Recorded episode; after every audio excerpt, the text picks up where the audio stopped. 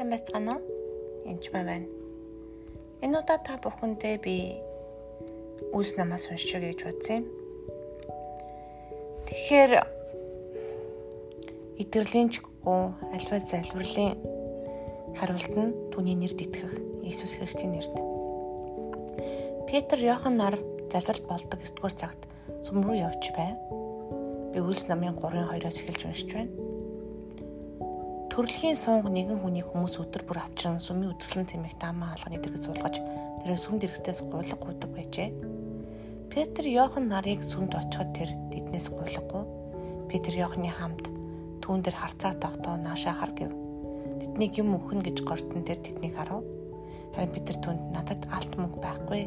Харин өөрт байгаагаа л би чамд өгье гэд Назарын Есүс Христосийн нэрээр босоод явахтун гэж хэлээд баруунгараас нь барьж үндийлгэсэнд түүний хөл шагаатар даруй хүч орж үсрэн цэг зогсоод алхаж эхлэв. Тэр тэдэнтэй сүмд орж цавхчин бурхныг магтав.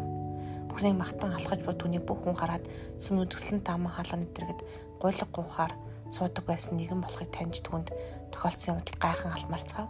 Өнөө хүн Питер Йохан нарын хамт байх зур гайхаж очирсан хүмүүс бүгд гүйлдэн Соломоны хэмээх танхим тулгарчээ. Харин Петр үнийг хараад тэдэнд хариулан Израилийн ирчүүдээ та нар юунд гайхна вэ? Бид өөрсдийнхөө хүч эсвэл сүсэг бишрлэр түүнийг явдаг болгосон мэт ингэтлээ юунд биднийг ширтэн вэ? Иесусийн нэрд итгэснээр түүний нэр та нарыг харж байгаа энэ хүнийг тэнхээтэй болгосон юм. Иесусээр дамжин ирдэг итгэлэн түүнийг та бүгдийн өмнө цайрууд болгожээ. За энэ хүн удаан өвдсөн байгааз удаан өвдсөн байгаа байнга төр төрөлхийн суун гэж бас төрөлхийн Тэр эзээж хөлд явж байгаагүй анханасаа хөлийн болчим шүрмэс нь хөгжөөгүй тийм хүн байгаа. Тэгээ хүмүүс туслаад тэнд гуйл гуйлгаж суулгадаг, гуйл гуйсан мөнгөөрөө хоол олж айдаж амьдардаг. Хажуугаар явж байгаа хүн болгоныг юм өгчих болов мөнгө өгчих болов гэж ширтэн сууж байгаа хүн. Өөрийгөө төстөө өөрсдөө төсөөлөж бодороо. Петр Йохан хоёр түүнийг харж байгаа. Петр Йохан хоёрт мөнгө байхгүй наа. Наашаа хар тэднийг юм өгөх нэгэд гордож байгаа нөгөө хүмүүс. Надад алт мөнгө байхгүй гэж хэлж байгаа харин өөрт байгаагаа би чамд өгье. Тэр хоёрт юу байсан бэ? Назарын Есүс Христосийн нэрээр босоод явтун гэж хэлв.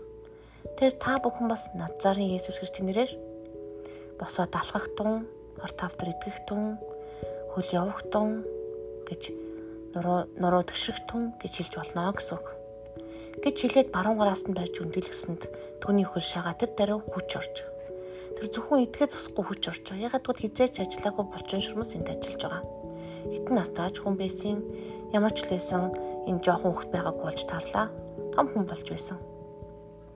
Тэгээд тэр дараа хүч ороод бүр өсрөн цэг зогсож алхаж эхлэв. Тэгээд тэр хамгийн ихэнд хийсэн юм тэр тэтэнтэй сүмд орц авчин бурхны магтаж байгаа юм. Гэтэл хүмүүс хараад бүгдээрээ гайхна үстэй хизээж хөлж орж байгаагүй явж байгаагүйнийг хараад алхаж эхлэх юм бол бүгдээ гайхна. Тэгээ байн хаалган дээр суудаг юм чинь хаалгаар орж ирж байгаа бүхэн түүнийг харсан байгаа.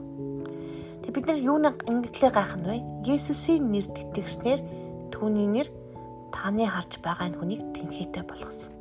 Тэр Есүсийн нэрд итгэснээр энэ бүхэн болж байгаа. Хамралтаа нэхэх хүмүүс Есүсийн нэрд итгэдэг боловч тэдний нэрэн дээр бүр тэгтлээ сууж мэдтээж буюу бяцлахаж бүр учрын хүчийг нь олголоо суралцдаггүй. Үнэхээр суралцдаггүй шүү. Тэгэхээр Ром 8:37-г би англиар нас монголоор нь уншиж өгье. Англиар нь I am more than conqueror through him that loved me. Надад хайрлсан түүний дотор түүгээр би бүр давгчаас ялагчаас илүү нэгэн гэж хэлж байгаа. Харин монголоор Ром 8:37 харин бид энэ бүхний дотор биднийг хайрладаг түүгээр дамжин давуулан дэлдэг гэж орчуулсан байна.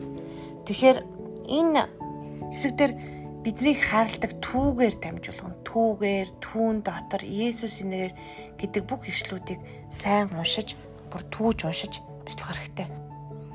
Нэгэн удаа надад ингэж Есүс зааж өгсөн эдгэрлийн шинэ гэрэн дээр байдаг бүх Иесусийн хийсэн бүх эдгэрэлтээр би энэ настатыг хийсэн хүн. Нэг удаад нь өвцөн үний дөр тоглоод өөрийгөө төсөөлж бодоод ямар хэцүү, ямар зовлонтой байгааг шандалж үнэхээр ямар хэцүү байгааг мэдрэх хэрэгтэй. Нөгөө талд нь өөрийгөө Иесусийн орнд тавиад хажууд нь Иесустэй хамт тухайн хүнийг эдгэж байгаа. Эсвэл хажууд нь харж байгаа хамаатан садан ч гэдэг юм уу. Тэн дотор байгаа хавдаж байгаа бүх хүмүүсийн төрд хөвлөж болно. Та жишээлбэл өөрийгөө хэвдэрт байгаа хүн эсвэл тэр үнэхээр насаараа хүлгүү байсан хүний дүр тавиараа ямар хэцүү байх вэ хүн өргөж тавьдаг хаалган дээр хүн хүнээс гуйлга угаал ажил хийж чадаагүй.